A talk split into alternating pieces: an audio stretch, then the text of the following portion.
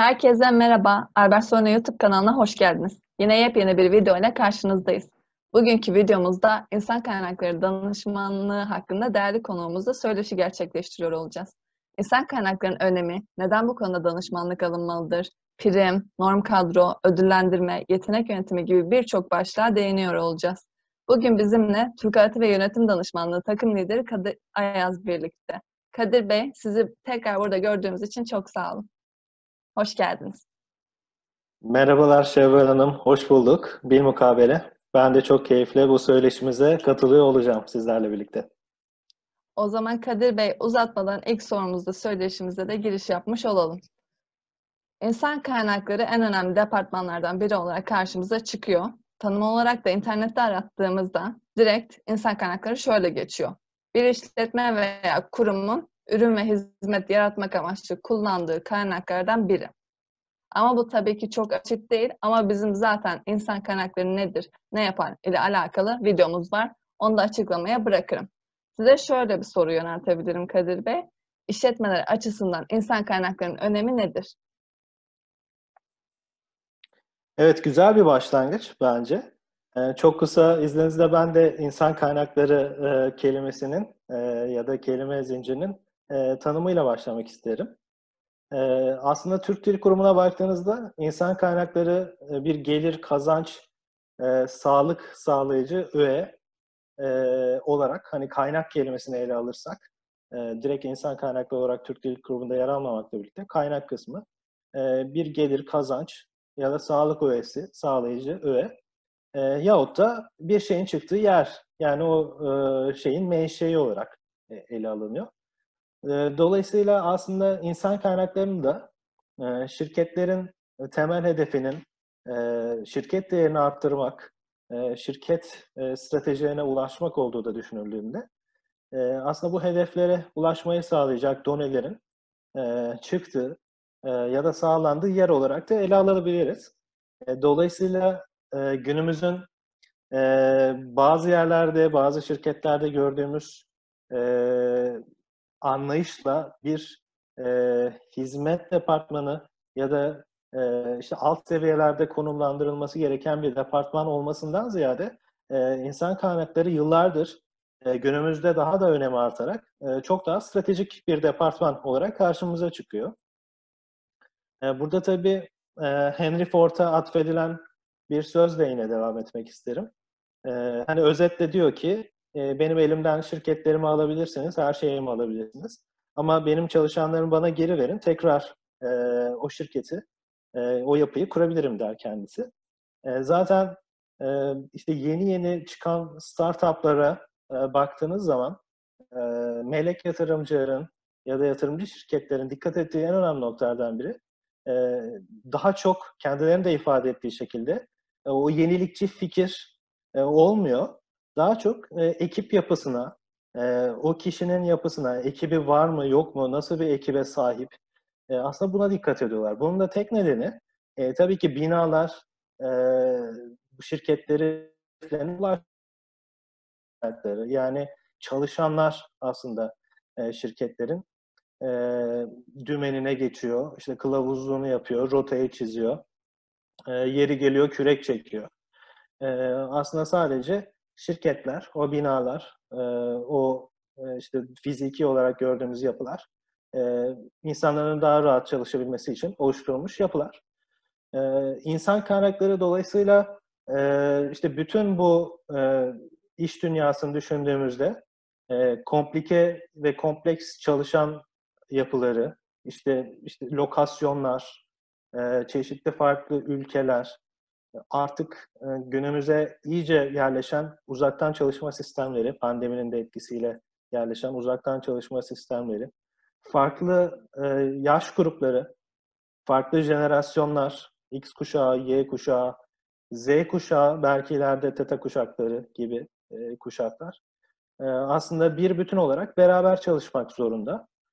Farklı yetkinlikler, herkesin hayat hikayesi farklı işte beyaz yaka dediğimiz ofis çalışanları, mavi yaka dediğimiz sağ çalışanları, e, bunların kendi içerisinde yönetim takımı e, veyahut da operasyonel takımlar. E, bu gibi kompleks yapıları yani bir kişiyi bile idare etmek, yönetmek e, çok zorken bu gibi yapıları bir arada tutmayı sağlayan, sadece bir arada tutmayı sağlamayan, e, yetkinliklerini de geliştirmeyi sağlayan, e, şirketin hedeflerine doğru giderken e, yeteri kadar performans göstermeyenlerle yolları ayıran, e, işte daha iyi oyuncuları oyuna sokan, e, işte eğitim planlarını üstlenen, yedekleme mekanizmalarını devreye sokan, e, performans gelişimlerini sağlayan, çalışan memnuniyetini e, sürekli olarak e, tabii ki insan kaynakları sadece kendi başına sorumlu e, değildir çalışan memnuniyetinden ama e, ana sorumlu departmanlardan biridir. Bunların hepsini sağlayan gayet stratejik e, bir e, yönetime de stratejik karar destek sağlayan stratejik bir karar destek mekanizması olarak önümüze çıkıyor insan kaynakları. E, dolayısıyla gün be gün de insan kaynaklarının önemi artıyor diyebiliriz. Tabii ki çalışanların bir gün içerisinde uzun bir süresi iş yerinde geçiyor dediğim gibi. İşte günlük yaşantısının birçoğunu çalışanlar iş yerinde geçiriyorlar ya da çalışarak geçiriyorlar. Yani fiziken artık e, ofislere gitmeyenler bile uzaktan çalışma e, süreçleriyle birlikte e, yine çalışmalarına devam ediyorlar. E, dolayısıyla e, her gün e, yaşadığımız gibi yani mutlaka sizler de bunu e, hissediyorsunuzdur. E, şirkette herhangi bir sorun olduğunda kapısı ilk çalınanlardan biri insan kaynaklarıdır. Yani bu kapıyı tabii metaforik olarak kullanıyorum. E, fiziki bir kapı da olabilir, bir telefon da olabilir, bir e-mail de olabilir. E, işte bir online görüşme aracı da olabilir. E, bunu dilediğiniz gibi düşünebilirsiniz ama e, insan kaynakları departmanının e, işin içinde olmadığı herhangi bir süreç şu anda günümüzde çok düşünülmüyor. Bu en stratejik süreçler, e, konuşulan toplantılar da dahil olmak üzere e, işte vardiya ya da iş gücü planlamalarından tutun ya da en stratejik olmayan operasyonel süreçleri düşünün. İşte servis güzergahları, yemekhanedeki yemekler vesaire. Bunların hepsi insan kaynaklarının kontrolünde e, belirli e, alt fonksiyonlarda yürütülmesi gereken konular olarak ön plana çıkıyor. Ee, dediğim gibi şirketlerin bir takım amaçları, stratejileri ve hedefleri oluyor. Ee, tabii ki bunlara ulaşmak için de e, işte şeyi düşünürseniz mesela bir dengeli karne uygulamasını, Balance Scorecard. Orada dört perspektiften biri ve aslında diğer üç perspektifi besleyici olan perspektif en altta genelde yer alan. Altta olması aslında diğerlerine girdi sağlaması. Hani en az önem derecesine sahip olması değil. Hepsi aynı önem derecesine sahip. Öğrenme ve gelişim perspektifidir. E, dolayısıyla öğrenme ve gelişim perspektifi de e, insanların, çalışanların yetkinliklerini geliştirmek, e, doğru yetkinlik setlerine sahip olmasını sağlamak ve dolayısıyla da iş süreçlerini en verimli, en iyi şekilde yürütülmesini sağlamaktır. Ee, daha detaylı bilgi almak isteyenler e, yine bizim e, Albertson'u web sitemizdeki ilgili performans yönetimi sayfamızı ziyaret edebilirler. Dengeli karne uygulaması veya da diğer performans sistemleri hakkında bilgi almak isteyen izleyicilerimiz. Şimdi insan kaynakları olarak ele aldığımızda bazı işte farklı e, isimlendirme trendleri de olabiliyor. E, işte İngilizcesi Human Resources e, olan e, olarak çıkmış bir e, tabii kelime. 1800'lü yıllardan sonra işte o zamanlar birazcık daha e, işveren hakları ve endüstriyel ilişkiler ve şirket için da idari düzenlen, düzenlemelerle ilgiliydi. Artık günümüzde e, insan kaynaklarından ziyade işte yenilikçi bir isim olarak işte human capital dediğimiz işte insan yönetimi, insan yatırımı, insan sermayesi isimlerini kullanan şirketler de görebiliyoruz. Bu insan sermayesi şirket e, olarak e, isimlendiren şirketler biraz daha tabii şeye vurgu yapıyor. E, bu çalışanlarının önemine yani az önce bahsettiğim gibi şirketin rotasında giderken, hedeflerine doğru ilerlerken en önemli sermayelerinin insan olduğuna da vurgu yapan şirketler var. Ee, özetleyecek olursak, e, şirketler e, kendi başlarına çalışmıyor. Tabii ki e, buradan da şey anlaşılmasın. Yani şey düşünen izleyicilerimiz olabilir. Ee, işte karanlık fabrikalar olabilir. İşte robotlar çalışabilir. O zaman insanlar olmayacak mı? Ama onun işte robotik kodlamasını yazanlar, e, onu e, sürekli iyileştirmesini sağlayacak kişiler, onun stratejiye göre kodlamasını yapıp yapay zekayı yönetecek e, kişiler yine insanlar olacaktır. Bunu da unutmamak gerekiyor. En azından kısa vadede her ne kadar işte o robotlar da kendi robotlarını ya da robot torunlarını yapana kadar en azından insanlık bu şekilde devam ediyor olacaktır. İnsan kaynakları da her nasıl isimlendirilirse isimlendirilsin şirketlerin en önemli strateji karar destek sağlayıcı mekanizmalarından biri olmaya devam edecektir. Bir de bu insan kaynaklarını tanımladık ama bir de bunun insan kaynakları danışmanlığı kısmı olduğunu görüyoruz. Bu, bu kapsamda soru yöneltecek olursak, insan kaynakları danışmanlığı nedir? Şirketler neden insan kaynakları danışmanlığı almalıdır? Yani bir şirket kendi başına insan kaynaklarını yönetemez mi? Neden insan kaynakları danışmanlığına ihtiyacı olsun? Dilerseniz bunları cevaplandıralım Kadir Bey. Tabii ki memnuniyetle Şevval Hanım. Ee, aslında yönetim danışmanlığı e, hizmet alanları olarak bakarsanız e, sadece insan kaynakları spesifik değil, e, diğer yönetim danışmanlığı hizmetlerini de şirketler kendi başlarına eğer yeterli kaynak, zaman, yetkinlik ve know-how'ları varsa gerçekleştirebilirler. Ama e, tabii ki bu işler biraz e, fayda maliyet işi. E, şöyle özetleyebilecek olursam, e, öncelikle insan kaynakları danışmanlığının ne olduğundan bahsedeyim. E, sonra da e, az önce bahsettiğim fayda maliyet işine geri döneyim. E, insan kaynakları danışmanlığı e, sadece insan kaynakları departmanıyla ilişkili bir danışmanlık değil. İnsan kaynakları danışmanlığı e, kurumların, şirketlerin ya da grupların e, tüm süreçlerine, tüm organizasyonlarına, e, yeri gelince tüm sistemlerine, yazılımlarına, teknolojilerine dokunan bir danışmanlık türü aslında. E, bunların birazdan e, birkaç başlıkta e, bunlardan bahsetmek isterim izninizle. E, orada da birazcık daha detaya gireceğim. Örneğin birkaç örnekten ilerleyeyim. Bazı şirketler insan kaynakları danışmanlığı olarak isimlendirmeden e, belli bir, belirli bir ihtiyaçla bizlere ulaşabiliyorlar. Bunlar neye olabiliyor mesela? İşte diyorlar ki e, bizde işte bugüne kadar e, biraz işte kendi inisiyatifimizle geldik. Biraz satış ağırlıklı gittik. İşte cirolarımızı arttırdık. Ee, işte aile şirketiyiz. Ee, işte kardeşlerim var, babam var, amcam var. Ee, ama işte bu noktadan sonra biz birazcık daha kurumsallaşmak istiyoruz. Ee, işte bunu nasıl yapabiliriz? Ee, vesaire tarzı isteklerle gelebiliyorlar. Ee, mesela bu case'de, e, bu vakada tam olarak e, ne yapmak istedikleri belli değil. Aslında kafalarında birkaç unsur var yapmak istedikleri. İşte görev tanımlarını tasarlamalıyız, organizasyonu tasarlamalıyız, yöneticileri belirlemeyiz vesaire vesaire. Ama e, bunlar bir öncelik sırasına koyulmamış oluyor. E, ve belirli bir e, işte sistematik planlamaya yerleştirilmemiş oluyor. E, şu an için daha öncelikli olacak bir konu e, şirketin gündeminde olmayabiliyor, kafalarında olmayabiliyor. E, ya da e, görece hatalı olarak e, daha önce yapmaları bir projeyi, yapmaları gereken bir projeyi daha sonra erteleyebiliyorlar. E, bu tarz, genelde bu tarz kafalarında şirketin ne yapacağı çok belli değilse ama bir memnuniyetsizlik, bir huzursuzluk, bir darboğaz varsa e, şirkette yaşanan, e, işte bu çalışan memnuniyetini, verimliliği e, azaltan unsurlar varsa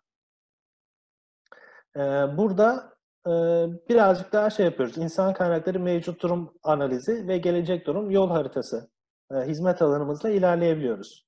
Bu birinci başlığımız.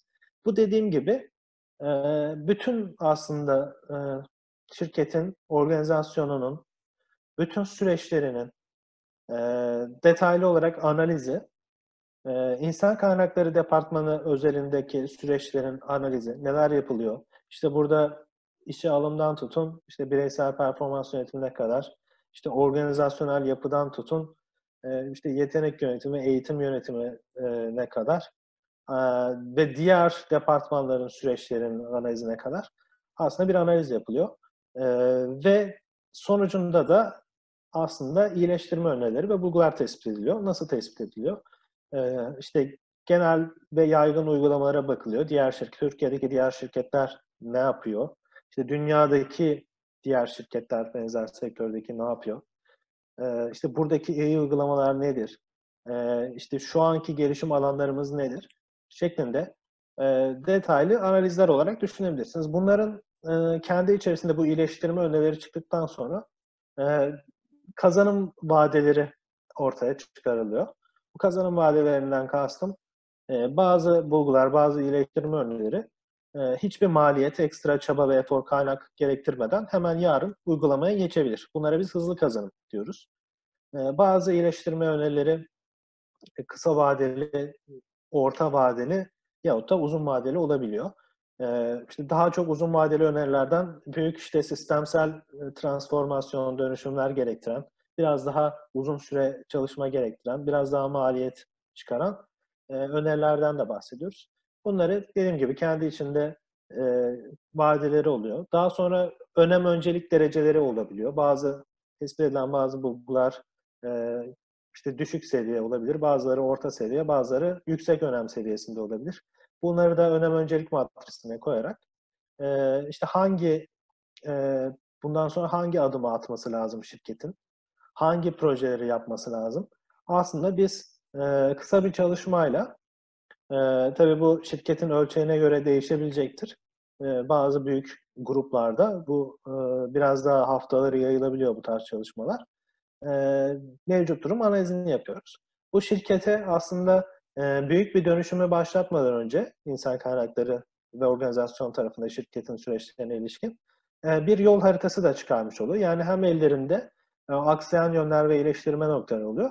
Hem de e, işte bundan sonra hangi projelerin adım adım yapılması gerektiği ortaya çıkıyor. O projelerin nasıl yapılması gerektiği, hangi kaynaklarla, hangi zaman süresince, hangi öncüllük ardıllık ilişkisiyle kendi arasında e, ve yapıldıktan sonra ne kadar katma değer sağlayacak şirkete bunu çıkarıyoruz. Dediğim gibi buna da e, birazcık daha bu hizmet alanımızı aslında e, ne yapacağını kafasında henüz tam olarak netleştirememiş ya, ya da daha detaylı çalışmalar gerektiren şirketler için tavsiye ediyoruz.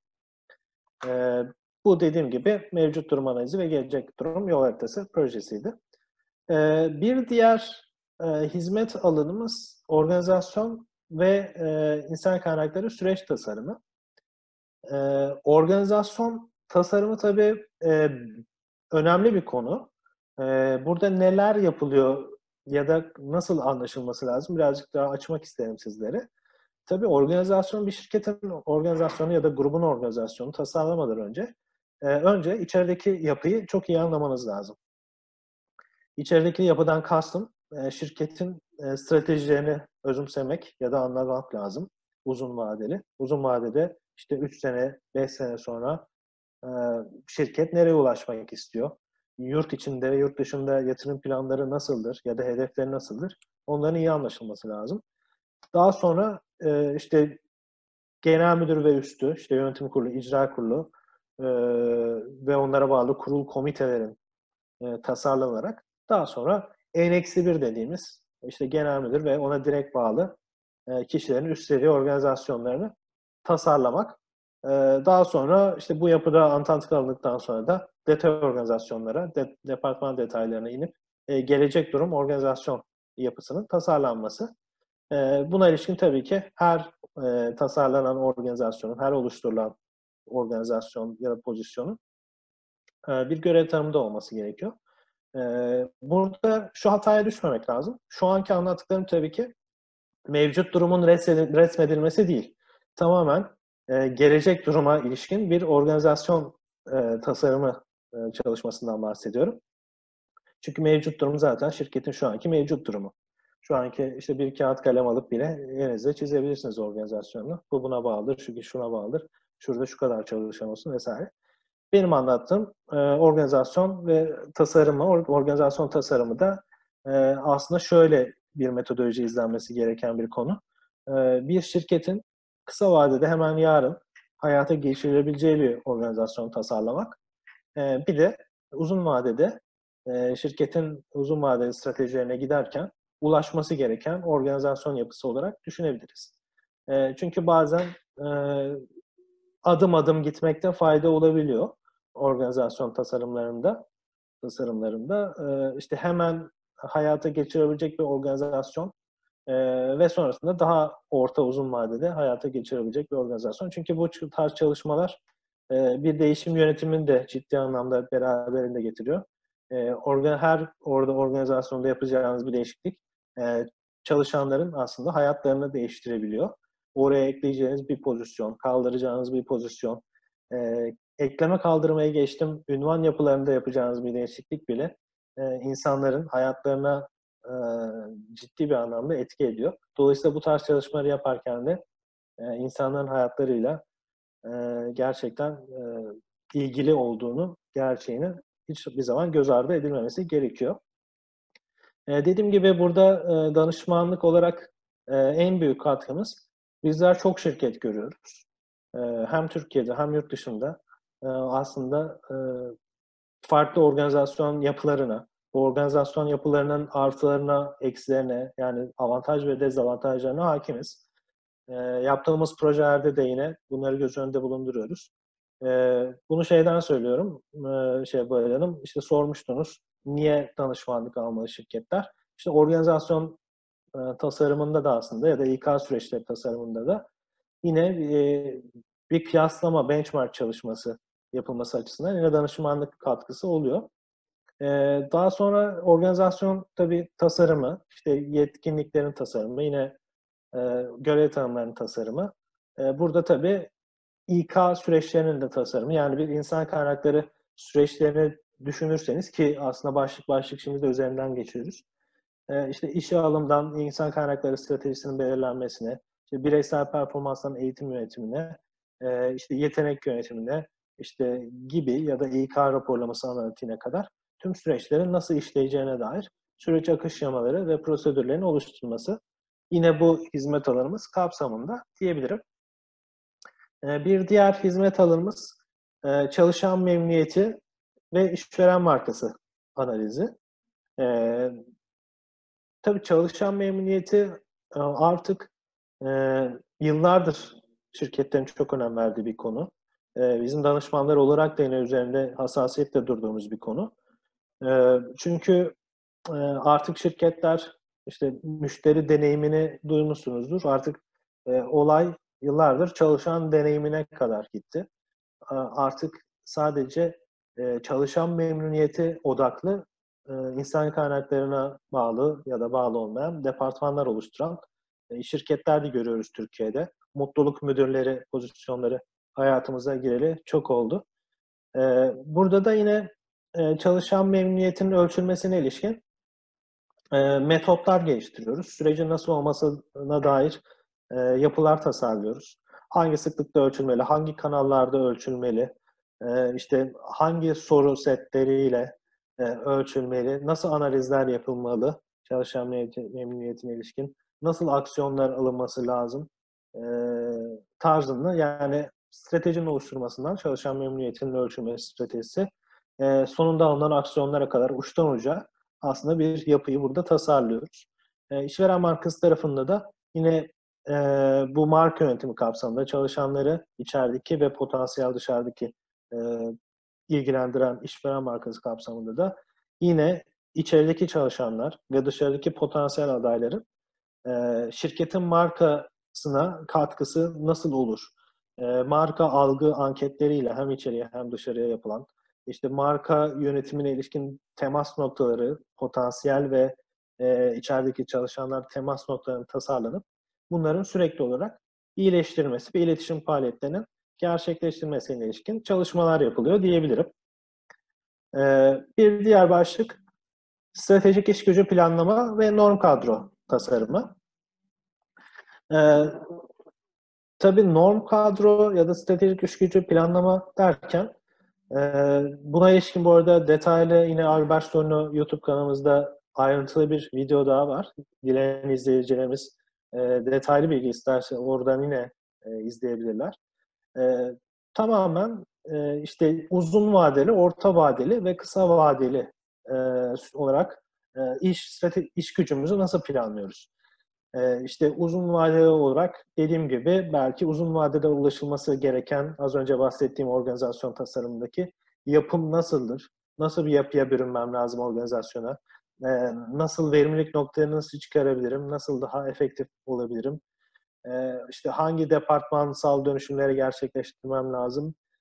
İşte oradaki kazanımlarım ne olabilir çalışan sayısı olarak ya da çalışanlarımın zamanlarını daha verimli hangi noktalara taşıyabilirim? Yine orta vadeli planlamada aynı şekilde. Kısa vadeli planlamalarda, orta ve kısa vadeli planlamalarda daha doğrusu işin içine bütçe, yıllık bütçe çalışmaları giriyor. Onlarla entegre olması gereken yine yapılar. Daha kısa vadeli planlamalarda e, bildiğiniz gibi artık e, üretim şirketi ise vardiya planlamaları, operasyon hizmet şirketi ise operasyonel planlamalar e, devreye giriyor. E, burada da yine e, aslında sağ çalışanları e, ve ofis çalışanlarına farklı metotlarla tabii ki e, bu tarz çalışmalar yapılıyor.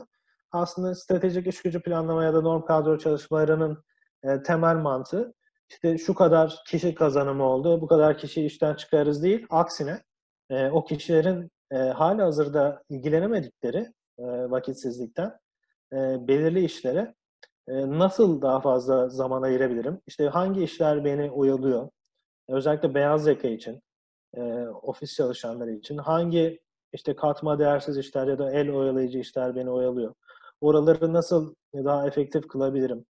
Örneğin işte dublike yapılan işler var mı departmanlar arasında? Ya da işte manuel yaptığım işler var mı? Bunları nasıl sisteme taşıyabilirim? E, şu an benim yapmam gereken ama zaman ayıramadığım için yapmam gereken başka işler var mı daha katma değerli? Onlara nasıl zaman ayırabilirim? Şeklinde aslında bir e, proje düşünebilirsiniz. E, norm kadro tarafında. E, özet olarak da işte şirkette ya da grupta hangi sürece ne kadar zaman ayrılması lazım ya da kaç kişi çalışması lazım. Buralara kadar giden analitik bir çalışma olarak özetleyebilirim. Diğer başlığa geçecek olursak e, bireysel performans yönetimi sistemi tasarımı. Tabii bireysel performans yönetimi sistemi birçok insan kaynakları alt süreciyle entegre. E, bireysel performans dediğimiz zaman işte genelde işte hedefler ve yetkinliklerin ölçüldüğü, bireysel performansların ve potansiyellerin ortaya çıktığı, e, bunların bazı şirketlerde işte takdir ve ödüllendirme mekanizmasına bağlandığı, e, temel mantığında e, işte gelişimi açık performansların ortaya çıkması, izlenebilirlik sağlanması, yine aynı şekilde iyi performansların ortaya çıkması, yine bunlara ilişkin de izlenebilirlik çıkması, e, izlenebilirlik sağlanması hedefleniyor. E, çünkü şirketlerin e, bizler çalışan olarak da aslında e, performansımız ölçülmezse, yani iyi ve kötü birbirinden ayrılmazsa, e, yarın öbür gün iyi de e, iyi performans göstermeye devam etmeyebilir. Ya da işte kötü kötü olmaya devam etmeyebilir. Burada e, temel olan şirketin sürdürülebilirliği ve hedeflerine ulaşıp ulaşamaması. E, dolayısıyla e, kim işte gelişime açık, hangi eğitimleri alması lazım ya da kim çok iyi, e, geleceğin yönetici adayı, e, bunları ayrı yönetimci geliştirme programlarını almamız lazım diye aslında yapı kurulan bir yapı. Ee, dediğim gibi bu e, kariyer planlarıyla e, her çalışanın olması gereken işte üstün performans göster gösterenlerin yetenek havuzlarına alınmasıyla işte rotasyon imkanlarını, terfileri e, göz önünde bulundurursak işte eğitim ihtiyaçlarının çıkmasını da göz önünde bulundurursak e, yine e, organizasyon tasarımında konuştuğumuz yetkinlik modellerinin e, tasarlanmasını göz önünde bulundurursak bireysel performans aslında insan kaynakları süreçlerinin en stratejik, en önemli e, süreçlerinden biri olarak ön plana çıkıyor. Tabii bu bireysel performans e, sistemleri e, işte konjonktüre göre değişebiliyor ya da şirketten şirkete göre değişiyor. Böyle zamanı e, zamanı göz önünde bulundursak eskiden çok e, statikocu işte bireysel performans sistemleri e, ön plandayken e, şimdi işte senelik en azından e, ölçülmesi göz önünde bulunduruluyorken e, şimdi yavaş yavaş işte yeni nesil kuşaklarında çalışan e, olarak işte iş, iş şirketlere başlamasıyla, iş hayatına girmesiyle e, anlık performans değerlendirmeleri de e, yeni yeni trend oldu diyebiliriz. Dolayısıyla bütün bu yapıların tasarlandığı e, bireysel performans yönetimi sistemi tasarımı e, bu hizmet alanımızda oluyor. Tabii e, bütün bu hizmet alanlarımızda e, ideal yapı işte bir yazılım üzerinden de gitmek, e, şirketlerin dijitalleşme seviyesini arttırmak. Ama al versiyonu olarak bizler e, yazılımdan önce e, bir ekibim yani kendi içimizde bir yazılım ekibi de barındırmamıza rağmen hep şunu diyoruz yönetim danışmanlığının çünkü e, metodu budur. Önce yapıların tasarlanması lazım. Önce bu sürecin nasıl işleyeceğinin tasarlanması lazım. Önce modellerin tasarlanması lazım. Yazılım bir araç. Bu süreci, bu tasarladığımız süreçlerin, bu yapıların işletecek bir yazılımı seçmek ondan sonraki adım olması lazım aslında. Daha sonra işte o yazılımlar hangileri olabilir? Ona ilişkin teklifler toplanabilir. İşte ihtiyaçlar analizleri yapılabilir. Bir diğer hizmet alanımız yine bireysel performansla ilgili olacak şekilde yetenek yönetimi. Ee, tabii aslında her çalışan bir yetenek midir sorusu burada e, ön plana çıkıyor. E, tabii genellikle işte İngilizcesi talent management deniyor. E, işte her çalışan e, aslında üstün bir yetenek olmayabilir. Olması da zorunlu değil zaten. E, işte şirkette bazı askerler de vardır. Sadece verilen görevi yapar. E, işte ne işte 10 üzerinden işte her gün 6'lık oynar ya da 7'lik oynar. Ama bazıları da vardır ki 10 üzerinden her gün 9'luk oynar, 10'luk oynar. Yani bir gün bile 8'e inmez. E, işte bunlar aslında hem işte performansı yüksek kişilerdir e, hem de e, yüksek potansiyel ulaşmış kişilerdir. Bunlar da aslında geleceğin yöneticidir. Yani bir potansiyel ve performans ekseni düşünürseniz e, bu en işte sağ üst tarafta kalan yeteneklerdir aslında. E, geleceğin yöneticileridir. Bunlar e, tabii çeşitli yetenek programlarına sokması lazım. E, işte yönetici eğitimleri ya da kişisel gelişimlerini arttırıcı eğitimlerde verilmesi e, önerilir. E, yine işte insan kaynakları zirvelerinde e, bolca bahsedildiği gibi e, 2020 ve sonrasında yeni yeni yetkinlikler de hayata girecek.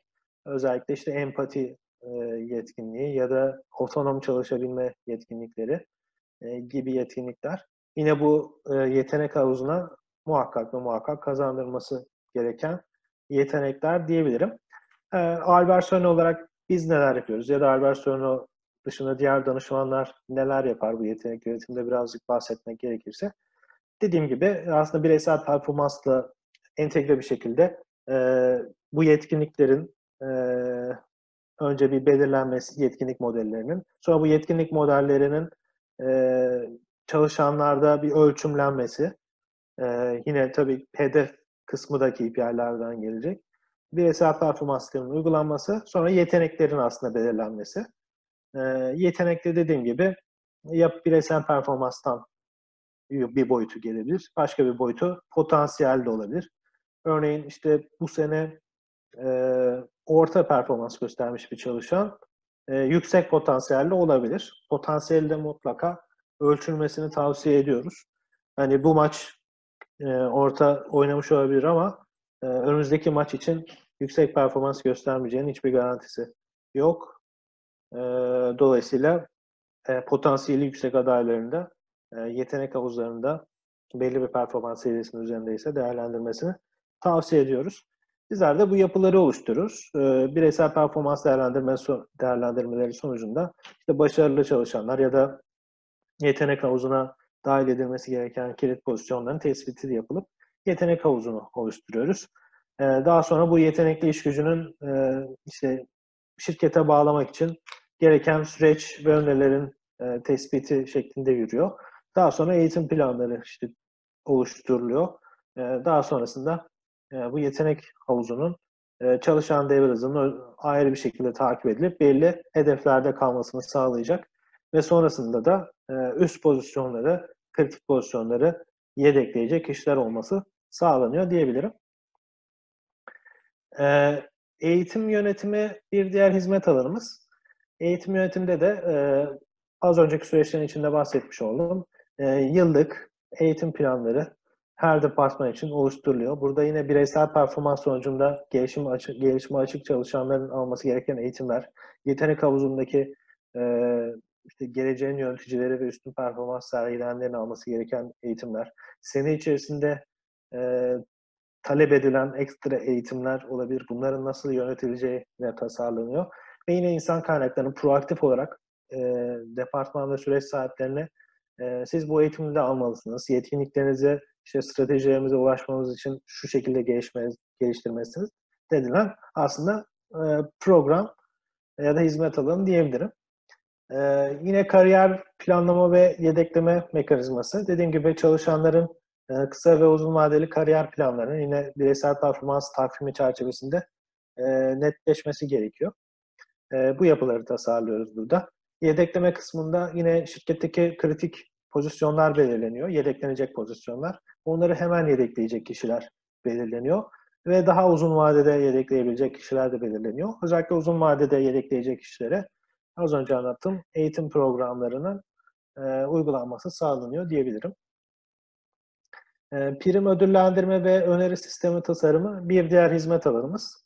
E, burada da e, yine şirketteki hangi işte e, departmanların e, bu takdir ve ödüllendirmeye dahil olması gerektiği, işte herkese nakdi prim verecek miyiz? Gayri nakdi ödüllendirme mekanizmalarımız nasıl olacak? Bunu bireysel performansa bağlayacak mıyız, bağlamayacak mıyız? E, şeklinde aslında yapıların, süreçlerin, modellerin hayata geçirilerek bu sistemlerle entegre edilmesi gerekiyor. Yine öneri sistemi tasarımı da ya bir insan kaynakları bünyesinde direkt şikayet olabilir ya da e, inovasyon e, tarafıyla entegre şekilde yeni fikir önerilerinin hangi kanallardan geleceği, nasıl e, yürütüleceği, nasıl onaylanacağı ve sonrasında nasıl takdir ve ödüllendirme sistemine bağlanacağı e, bu başlıkta ele alınıyor diyebilirim. E, sonuncu başlığımız da insan kaynakları e, raporlaması tasarımı. E, insan kaynakları raporlaması tasarımında e, aklınıza şu gelebilir. E, insan kaynakları e, süreç sahiplerinin e, kendi içerisinde kullanacağı ve yönetime sunacağı raporlar hangileri olmalı? Aslında bu da e, üzerinde e, çalışılması gereken çok önemli başlıklardan biri. E, günümüzde artık insan kaynakları analitik çalışmaları da yani HR Analytics dedikleri e, insan kaynakları analitikleri de çok önemli oldu. Artık tüm e, aslında bu ekosistemi yönetmek e, veriye dayalı. Diğer tüm süreçlerde olduğu gibi. Yani çağımızın en önemli e, ve en değerli şeylerinden biri veri. O yüzden bu verileri anlamlandıra, anlamlandıracak e, raporlar nasıl olmalı? E, işte hangi e, işte rapora yönetim bakmalı ya da bizler insan kaynakları olarak bakmalıyız. Neleri raporlamamız gerekiyor? Neleri, hangi KPI'leri, hangi raporları takip etmemiz gerekiyor? Aslında bütün bunların analizini yapan, e, bu az önce bahsettiğim e, süreçlerdeki e, verimlilik e, katsayılarını takip eden, yani şöyle de düşünebilirsiniz, bir e, bireysel performans sistemi kurdunuz e, ama e, o oluşturduğunuz bireysel performans sistemi e, acaba ne kadar verimli yürüyor? Süreç performans e, kriterlerini de burada takip etmeniz gerekiyor. İşte performans değerlendiriciler zamanında dolduruyor mu performans formlarını ya da işte takvime uyum sağlanıyor mu? Sağlanmıyorsa neden sağlanmıyor? İşte çalışan turnover oranlarından hiç bahsetmiyorum. Yani o genel raporlama e, setlerine mutlaka girmesi gereken. İşte departman bazında çalışan sayıları, insan kaynakları memnuniyet oranları, departman bazında memnuniyet oranları gibi aslında e, bunlar tabii birkaç örnek. E, bunların hepsinin e, işte hangi raporlara bakılması lazım, hangi süreçlerin takip edilmesi lazım. E, şirketin stratejisine doğru ilerlerken insan kaynakları olarak bizler e, nasıl yönetim raporlaması yapmamız lazım? Bunları ortaya çıkarılan e, kısım insan kaynakları raporlaması tasarımı diyebilirim. E, biraz uzun oldu Şevval Hanım kusura bakmayın ama e, bu sorunuzu bu şekilde e, özetlemiş olayım diyeyim. Teşekkürler Kadir Bey detaylı ve bilgi verici oldu. Biz teşekkür ederiz bizden. Söyleşimizin böylece de sonuna yaklaşmış bulunmaktayız. Son sorumu da sorup söyleşimizi birlikte bitirelim dilerseniz Kadir Bey. Albert Sonra olarak insan kaynakları danışmanlığına yaklaşımınız nedir? İnsan kaynakları danışmanı olarak elbet sizin de izlediğiniz bir yol ve yöntemler bulunuyordur. İnsan kaynakları danışmanı olarak yol haritanız nedir? Şirketlerine ne gibi katkılar sağlarsınız? Derseniz bunlardan da bahsedip videomuzu bitirelim. Tabii ki Şevval Hanım, memnun, memnuniyetle. Ee, insan kaynaklarının öneminden bahsettik. İnsan kaynakları danışmanlığının e, alt hizmet kollarından bahsettik. E, aslında geldiğimiz noktada insan kaynakları artık ana işin e, stratejik bir ortağı ve bütünleşik e, ve ayrılmaz bir parçası. Dolayısıyla bu farkındalığa ulaşan şirketlerin de insan kaynaklarındaki gelişim alanlarını hızlıca kapatıyor olması lazım. Güncel gelişmeleri takip ediyor olması lazım. E, dediğim gibi yani şirkete aslında şirketin stratejisine hizmet sağlayan önemli unsur insan. E, dolayısıyla insan kaynakları da bunları yöneten kişi ya da geliştiren kişi diyebiliriz. E, dolayısıyla e, dünyayı takip etmemiz lazım, Türkiye'yi takip etmemiz lazım, Türkiye dinamiklerini. E, iyi şirketleri, sektörümüzdeki rakiplerimizin ne yaptığını takip etmemiz lazım. İyi şirketlerin iyi uygulamalarını kendimize kendi kültürümüze ve dinamiklerimize uyacak şekilde adapte etmemiz lazım. Dolayısıyla hani bunları yapmayan şirketler şunu net olarak gözlemliyoruz ki rekabette arka planda kalabiliyor. Sörne olarak da bizler aslında e, artan rekabet koşullarının ve değişimdeki e, hızın e, talep ettiği insan kaynakları fonksiyonlarının yerine getirilmesi için ve müşterilerimizin insan kaynakları yönetimlerindeki ihtiyaçları doğrultusunda gereken destekleri sunuyoruz. Uluslararası ölçekteki deneyimimiz ne? Biliyorsunuz işte bizim Amerika'daki, İngiltere ve Avrupa'daki işbirliği yaptığımız firmalar yine Uzak Doğu'daki proje deneyimlerimizle birlikte e, müşterilerimize e, sektörlerindeki e, rekabet üstünlüğünü sağlıyoruz diğer projelerimizle entegre bir şekilde ve işlerine değer katıyoruz. Bizler e, yaklaşım olarak belirli yapıları e, kağıt üstünde tasarlayan e, işte PowerPoint slaytlar hazırlayan ya da Excel'de e, doküman analizleri yapan, Word'de işte görev tanımlarını yazıp bırakan e, danışmanlık şirketlerinden olmak hiçbir zaman istemiyoruz. Dolayısıyla müşterilerimizle e, hatta işte onlara iş ortaklarımız, stratejik iş ortaklarımız diyoruz. Onlarla birlikte e, kurguladığımız yapıların muhakkak ve muhakkak hayata geçmesine yönelik e, değişim aksiyon planları çıkarıyoruz ve hayata geçtikten sonra da verimlilik ölçümleri hakkında kritikler yapıyoruz. E, ve onların sürdürülebilir kılınmasını sağlay sağlıyoruz diyebilirim. E, dolayısıyla e, sözün özü e, insan kaynakları e, çok önemli ve hassas bir e, departman. Dolayısıyla şirketlere de eğer e, yeterli zaman, kaynak, know-how, yetkinlikleri yoksa ya da daha hassas, daha detaylı çalışmalar istiyorlarsa e, danışmanlık almalarını muhakkak öneriyoruz. Evet, bugün insan kaynakları danışmanlığı hakkında Tur Quality ve Yönetim Danışmanlığı takım lideri Kadir Ayaz ile detaylı bir söyleşi gerçekleştirdik. İnsan kaynaklarının önemi, insan kaynakları danışmanlığı, kullanılan metotlar gibi birçok konuyu da konuşmuş olduk. Umarım herkes için faydalı bir video olmuştur. Kapanıştan önce öncelikle Kadir Bey'e teşekkür etmek isterim. Hem kendi adıma hem izleyiciler adına çok teşekkür ederim Kadir Bey. Zamanınızı bize ayırdığınız için çok sağ olun. Ben teşekkür ederim Şevval Hanım. Yine her zamanki gibi çok keyifli bir söyleşiydi. Ben de öyle düşünüyorum Kadir Bey. İzleyicilerimizi de unutmadan onlara da teşekkür edelim. İzlediğiniz için te- çok teşekkürler. Sorularınız varsa aşağı yorum bırakabilirsiniz ya da aşağıdaki iletişim bilgilerimizden bize ulaşabilirsiniz. Herkese iyi günler.